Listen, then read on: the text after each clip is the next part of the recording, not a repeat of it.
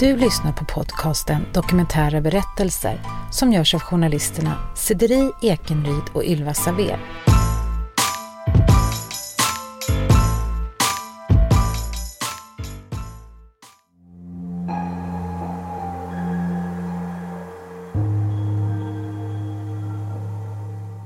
I vårt samhälle anses tvåsamhet vara en norm. Det vill säga att vi lever och skaffar familj med en och samma partner. Men varför är den normen så stark egentligen? Och hur kan kärlekslivet se ut om man istället väljer att ha flera partners samtidigt?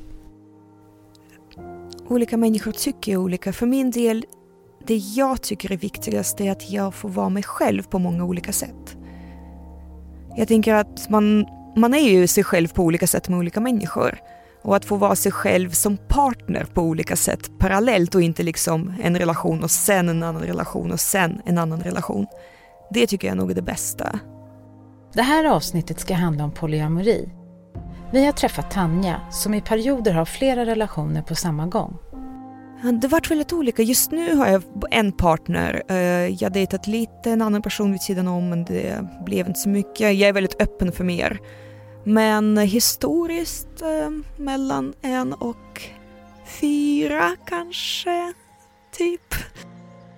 Frihetskänslan brukar jag tycka mig höra rätt mycket. Eh, och... Vi pratar också med Kristoffer Andersson Falström, legitimerad psykolog, om de fördomar som finns mot polyamori eller öppna förhållanden. Det här att inte behöva begränsa sin partner eller att inte behöva liksom, eller sina partners. Eller att inte begränsa sig själv och sådana saker. Jag vet att jag tänkte på det när jag var 15, 16, 17. Tanja insåg i tonåren att monogami inte var något som passade henne.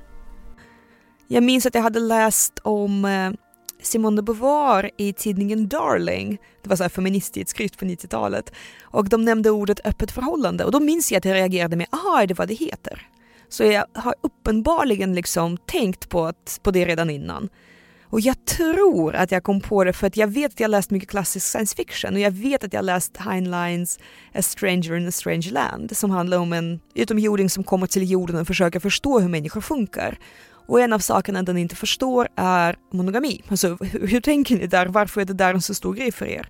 Och det är en, jag vet att jag läst den rätt i tid så jag antar att det är bland annat därifrån jag får de tankarna. Men jag vet att eh, för kanske framförallt folk som är lite äldre än jag så är det en jättevanlig ingång. Det är den boken som satte igång tanken och så hittade man på något sätt fram till uh, pers andra personer som var intresserade av samma sak. Det har ju också funnits mer öppenhet om sånt i mer andliga kretsar ibland så det är också en ingång. Återigen, man träffat någon som vart eh, alternativt om man hamnat i en livssituation där det var den bästa lösningen när eh, man insåg att jag behöver inte välja. Så, men nu för tiden finns det mycket, mycket mer. Alltså internet har underlättat för alla minoritetsgrupper. Så det, det är en grej.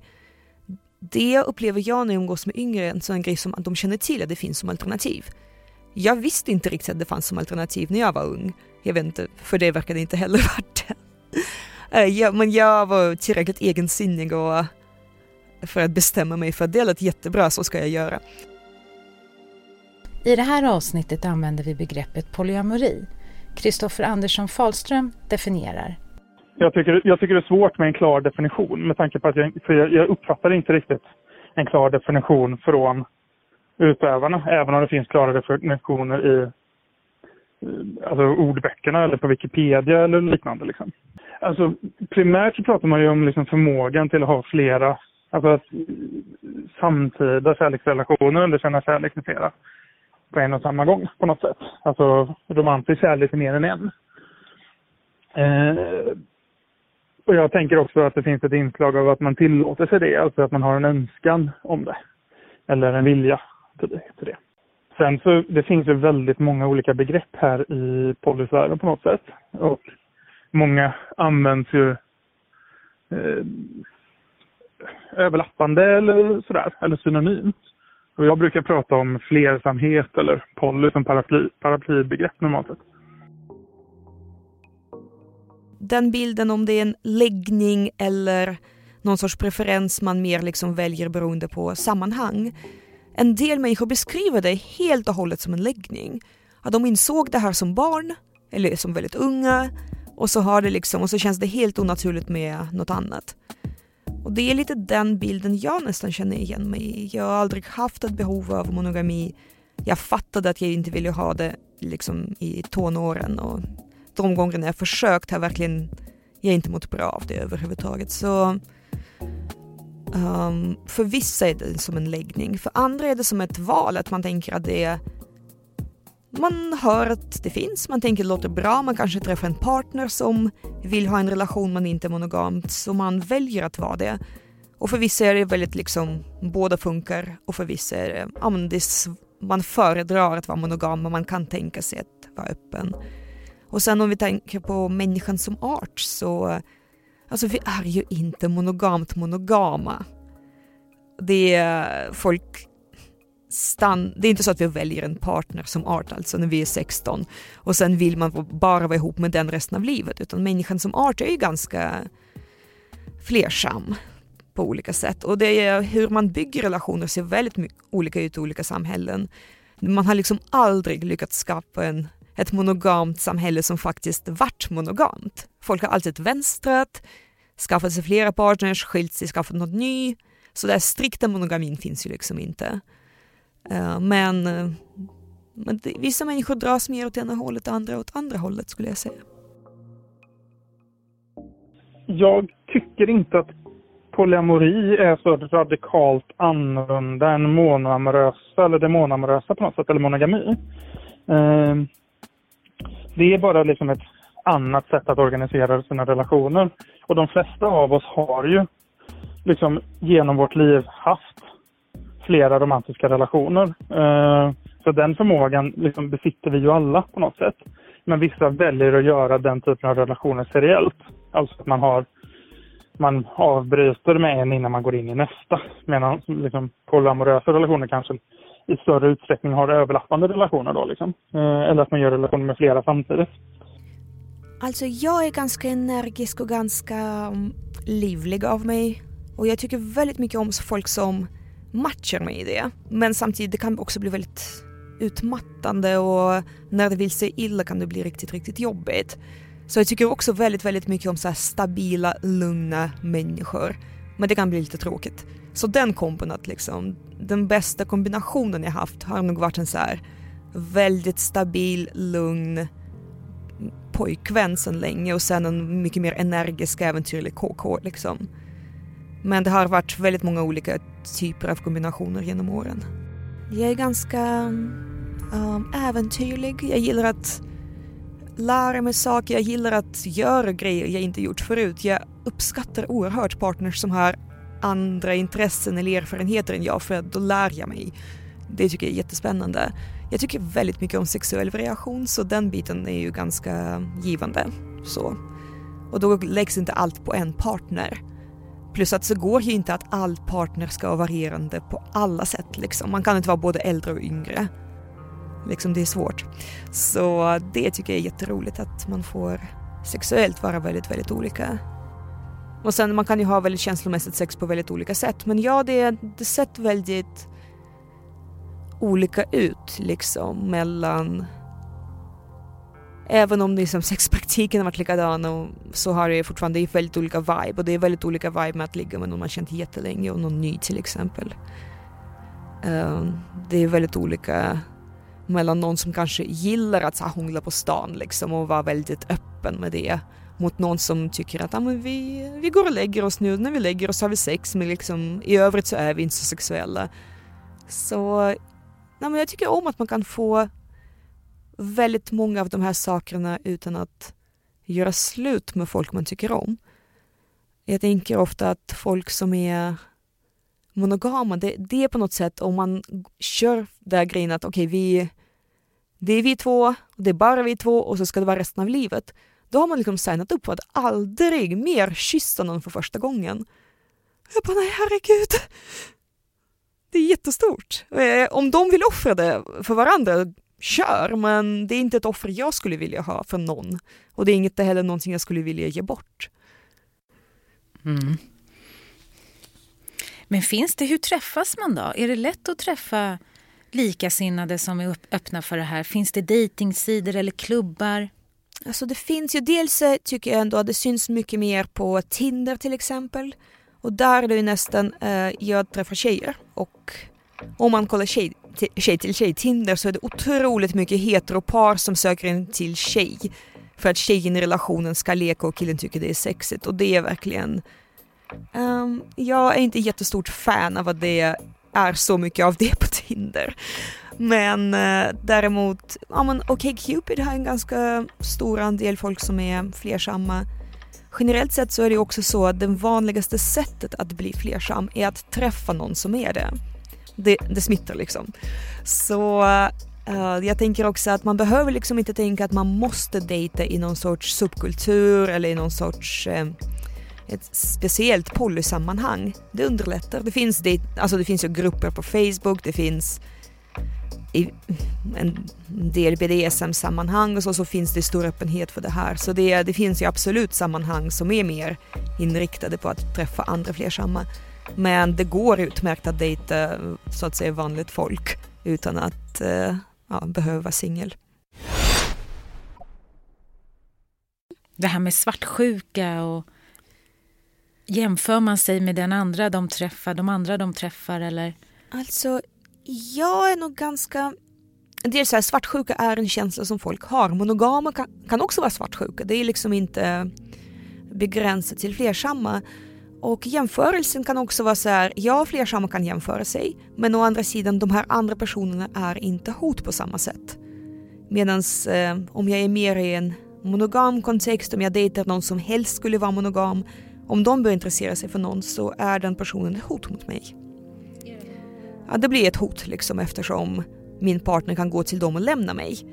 Medan om, om öppenheten faktiskt är där, då kommer min partner kanske börja dejta dem, tycka det är jätteroligt, komma till mig och vara jätteglad. Jättebra. Och jag slipper kanske liksom leverera saker som den andra personen kan. Jättefint. Den kan gå och liksom lyssna på deras favoritartist med dem om jag inte gillar favoritartisten. Liksom. Så jag kan vara svartsjuk, det är nog oftast om, om den relationen det rör sig om inte är så bra.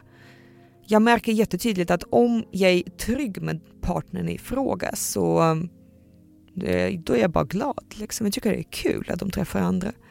Men om det är knas så um, då blir det känsligt. Men jag menar, det blir inte värre än mycket annat som kan vara känsligt i en relation. Jag tänker jag dejtade en snubbe som hade två band en gång i tiden och att han aldrig hade tid för mig för att banden tog så mycket tid var mycket jobbigare än att han occasionally liksom flörtade med någon annan eller låg med någon eller whatever. Så jag menar, det är inte bara andra partners som kan vara hot, det kan verkligen vara väldigt mycket annat. Eftersom monogami eller tvåsamhet är enorm i vårt samhälle så finns det fördomar mot de som lever på ett annat sätt. Kristoffer Andersson Fahlström igen. Alltså dels så brukar liksom folk Eh, eller min erfarenhet i alla fall var dels att man inte tar liksom relationer riktigt på riktigt, eller vad man ska säga. Eh, ett exempel skulle kunna vara där att om du har liksom två relationer och den ena gör slut med dig. Eh, då kanske en fördom skulle kunna vara, ja men varför gråter du så? Du har ju, du har ju, du har ju fortfarande en relation liksom. Alltså att det, det brottet inte skulle vara lika allvarligt känslomässigt. Eh, till exempel. Eh, eller att man, alltså, att man bara vill ligga. Har jag väl stött på som en fördom, så jag tycker det är ganska vanligt. Alltså att man är, eller att man bara är kollo tills man hittat en rätte. Alltså att man fortfarande är fast i någon form av sån här eh, fördom eller kärleksideologin på något sätt att bara man hittar den rätte så kommer alla bli monogama sen till slut eller sådär. I alla relationer finns det utmaningar. En av de utmaningar som Tanja upplever är framförallt tidsbristen. Dels det här praktiska tidsbristfrågan är förstås. Sen absolut otrohet kan ju förekomma för att otrohet är ju någonstans att man går över gränser. Och det kan liksom, i monogam relation är det kanske sex med någon annan, i flersam kanske oskyddat sex med någon annan. Sen flersamma är mycket bättre på att skydda sig när de ligger med nya partners än monogama som är otrogna. Som inte skyddar sig och inte testar och sen blir det knas. Så Um, men uh, tidsfråga att vissa fastnar väldigt mycket i den kommunikationsgrejen och skriver kontrakt och pratar om saker mer än man faktiskt har en relation. Men uh, när man är flersam kan man ju också kanske sopa ner vissa saker under mattan och låtsas att allt är okej okay genom att skaffa sig andra partners och liksom inte engagera sig i andra relationer man har. Det kan vara ett problem att man säger att visst vill jag vara ihop med dig. Fast, eh, fast man egentligen i praktiken gjort slut. Men man behöver inte göra slut för att träffa någon ny. Och göra slut är jobbigt, så man fegar ur och släpar med sig förhållandet man borde avslutat. Sånt kan ju hända. Det, det är en risk för monogama, eller icke-monogama, att man stannar kvar i en relation för att man inte måste avsluta den för att starta en ny. I relationen så tänker jag att det är ungefär samma sak även där som i monomorösa. Det här att hinna hitta, liksom hitta tid för att prioritera varandra och sådana där saker. Ehm, jag upplever nog att kommunikationen inom relationerna är viktigare på något sätt inom det polyamorösa och att man kanske behöver en kalender i lite större utsträckning för att liksom kunna ta hänsyn till eh, liksom alla som är med i systemet på något sätt. Alltså så att, så, all, så att allas liksom, relationella behov blir tillgodosedda i, i den mån det går. Mm. Sen tänker jag att det finns alltså att fördomar eller liksom omgivningens bild av vad polyamori är kan ju i sig vara en utmaning för relationen men det tänker jag inte en utmaning i relationen så att säga. För Tanja fungerade inte monogami alls och för 15 år sedan släppte hon den tanken helt.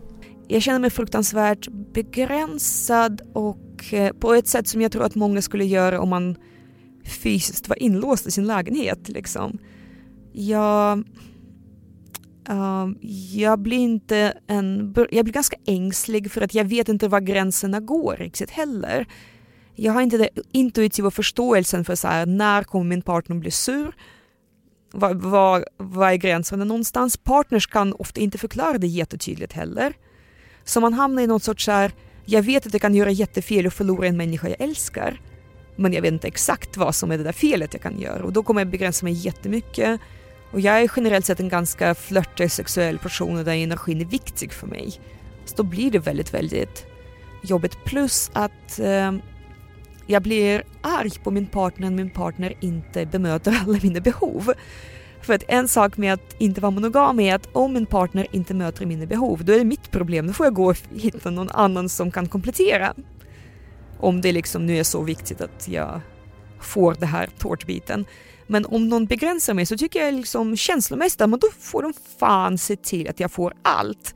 Och hör och häpna, det går inte. Och då blir jag ganska lack. Så om det nu är nästintill omöjligt för en person att uppfylla alla kriterier som den perfekta partnern borde ha, hur kommer det sig då att normen om tvåsamhet är så stark? Teorier som jag har stött på det är ju liksom när man har pratat om att liksom vi, när vi blev bofasta så var det viktigare liksom att Alltså då, då började vi leva monogamt eller att det liksom skulle vara mannens sätt att liksom kontrollera kvinnan och kontrollera att liksom barnen är hans. Så att det liksom skulle kunna vara ett skäl till monogami. Religiösa skäl, alltså att Gud vill det. Tittar vi i de abrahamitiska religionerna så är det mycket liksom fokus på liksom trohet och den, den, den, typ, den monogama troheten. Mm. Så alltså, ja. Jag tycker det är svårt att svara på varför vi lever så. Alltså, jag, jag tänker mer att det faktiskt är så på något sätt. Uh, men att människor generellt sett är ganska, och historiskt också, har varit ganska dåliga på att leva upp till de monogama normerna på något sätt. Alltså liksom otrohet har ju alltid funnits, eller sådär. Ja men delvis, det finns en bild av att förr i tiden så var äktenskapen tajtare och sådär och folk höll ihop hela livet. Men förr i tiden så förväntade man inte sig att man skulle vara varandras bästa vän och ekonomiska förening och barnvakt och alltså det är väldigt, väldigt, väldigt mycket paketerat ihop i det här idealet som vi har idag för tvåsamma relationer. Men sen så tänker jag att relationer får ta slut. Jag menar de flesta av mina relationer har tagit slut. Även hos här, folk som gifter sig och stannar ihop, de har säkert haft ex innan som det tagit slut med. Relationer tar slut, det är en del av hur det är att vara i relation med folk. Och det finns otroliga mängder teorier om varför monogami blivit en norm. Um, lite så kortfattat, det har väldigt mycket med hur samhällen är uppbyggda att göra i många fall. Det finns ju till exempel ibland en poäng att veta vem som är pappa till ett barn och det finns väldigt lite poäng till, med det om man inte ärver egendom. Så där finns det förmodligen någon sorts, eh, att när man började odla och liksom skaffa eh, vad heter det, boskap så blev det också en poäng att veta vem som kommer ärva. Medan om man lever i ett litet samhälle, alla tar hand om alls barn, det är liksom inte så jävla noga med vems, vem som är pappan och då är det inte lika noga med att kontrollera kvinnor och vara monogam och bara en partner. Sen eh, finns det också en poäng med att män som haft makt generellt sett liksom väldigt, väldigt länge har väl också generellt sett gärna haft flera kvinnor för att det är kul. Men samtidigt så har man ju inte velat att kvinnor ska ha flera män för att det är inte lika kul för de som får bestämma. Så det har också funnits tendenser att de som har mycket makt kanske drar till sig väldigt många kvinnor. Samtidigt som män utan makt inte riktigt har den möjligheten och det blir en ojämlikhet och det gör att samhällen blir instabila. Den teorin finns också. Generellt när vi kollar på världen i stort så verkar det vara så att mono, alltså monogami och äktenskap och hur hård man är med sånt beror väldigt mycket på hur uh, samhället ser ut, hur viktigt det är att eh, familjen håller ihop för överlevnaden, liksom, hur viktigt det är att ha starka familjeband till varandra. Jag tror ju också att mycket handlar om den här alltså viljan av att känna sig trygg och liksom hur hur manifesteras den liksom trygga kärlek, kärleksrelationen, den trygga romantiska relationen i liksom de berättelser vi har. Alltså där tänker jag ju liksom de här klassiska sagorna är ett lysande exempel. Alltså, så levde de lyckliga i alla sina dagar. Alltså liksom historien slutar där på något sätt. Um, och jag tänker att liksom, alltså, har man den uppfattningen att det är liksom i det monogama liksom kärleksrelationen som man hittar trygghet, då tror jag ju att människor försöker sig på. För jag tror människor vill ju vara trygg, liksom, relationellt trygga på något sätt. Eh, och så tänker de inte på att man kanske kan vara det i en liksom, flersam relation också. Och det, det som är norm nu är att man är seriemonogam. Det är, liksom, det är inte norm, absolut inte. Vi tycker det är barbariskt att förvänta sig absolut monogami. Eh, det som vi kallar monogami idag är inte vad vi hade kallat för monogami vid förra sekelskiftet. Då hade det varit ganska så här horigt liksom att hålla på som vi gör, att flytta ihop, vara sambo med folk och skilja sig och sånt där. Eh, men så det som är normen nu är ju det här att ha en partner i taget och med partner så blir det allt tydligare också att man kan dejta flera. Man kan vara KK med flera men när det är partner så är det en liksom. Men jag tror att det som behövs för att det ska vara accepterat är dels att det syns mer i media och det gör det ju nu liksom att det finns flera uh, det finns mer tv-serier och sånt. Fråga mig inte vad det heter för att jag kommer inte på någon just nu på rak arm. Men det finns en på Netflix eh, till exempel. Men det är en grej som syns mer. Jag tror att en annan sak som är viktig är att om det här blev mer mainstream för kanske 5-10 år sedan så kommer människor som började med det här som unga och misstroddes för att använda bara en fas bli äldre och då kommer folk acceptera det mycket mer för att man lyssnar mer på folk som är äldre. Jag tror att, att jag bemöts mycket bättre i min flersamhet nu än för 15 år sedan är dels för att jag har mer pondus och är legitimerad psykolog och folk tjafsar inte. Men också för att eh, ja, men nu kan man inte längre fråga om det är en fas för att jag är ganska vuxen och uppenbarligen vill jag ha det så. Men jag tror att det, det kommer vara lite som videospelet. Så här. Folk som höll på med det här växer upp, blir äldre och det blir mer av en liksom, så här, vuxen grej. Och på tal med, om det här med familjer. Är du själv eh, intresserad av att bilda familj i framtiden och hur skulle det matcha? Jag vill inte ha barn som är mina egna. Och eh, jag vill inte ha en så traditionell familj, kanske där man bor ihop liksom och har en så ekonomisk förening och går på med varandra på julafton. Men jag kan absolut och gärna tänka mig långa relationer med personer som har barn. Där jag är någon sorts extra partner, vuxen person. Det skulle jag absolut kunna tänka mig. Jag gillar barn, jag vill verkligen inte ha egna, men jag tycker om andras. Så det skulle jag kunna tänka mig. Det är inte prio för mig att skaffa en familj på det sättet. Men det är absolut någonting som jag kan tänka mig. Det beror för, alltså min flersamhet har alltid berott väldigt mycket på vad som finns just nu, vad det är för människor i mitt liv just nu. Och så, där. så jag har aldrig varit så jag måste ha 2,3 partners och eh, tre KKs för att klara mig, utan mera men en period så är det egentligen en partner och sen kan jag vara öppen med andra men det blir inte av just nu. Och i andra perioder så har jag jätteflyt, dejtar jättemånga, det flyter på fantastiskt, det är jätteroligt. Hur kommer det sig att du inte vill ha barn? Oj, gud, det är... Alltså helt ärligt, jag vill bara inte. Det bara känns fel? Ja, men precis, det är inte jag. Och sen det är väl också det här, eh, det här jag pratar om att ha en hel by och alla känner alla och alla är allas barn. För mig är väl lite, jag kommer också från ett samhälle där närmaste kretsen kring ett barn är lite större än kärnfamiljen. Det är självklart att liksom närmare familjemedlemmar och vänner är med i barnets liv på ett sätt som jag upplever inte är lika standard i Sverige idag. Och, eh, så jag vill jättegärna vara det här extra vuxna i andras barns liv för att eh, en kärnfamilj är liksom inte riktigt tillräckligt för, för barn. Jag hör väldigt ofta när folk säger att, eh, till ensamstående föräldrar att ah, amen, hur ser du till att barnen har fler vuxna i sitt liv? Och det är en grej jag ibland kan skämta om eller faktiskt säga till folk som lever i kärnfamilj. Men hur ser ni till att barnet har fler vuxna? Hur kommer ert barn ha något tryggt om det händer någonting med er, ni måste vara på sjukhus någonting och barnet aldrig sovit över hos en släkting? Så jag har nog lite den bilden av att jag är jättegärna med i det här molnet kring andras barn, men jag vill inte ha egna.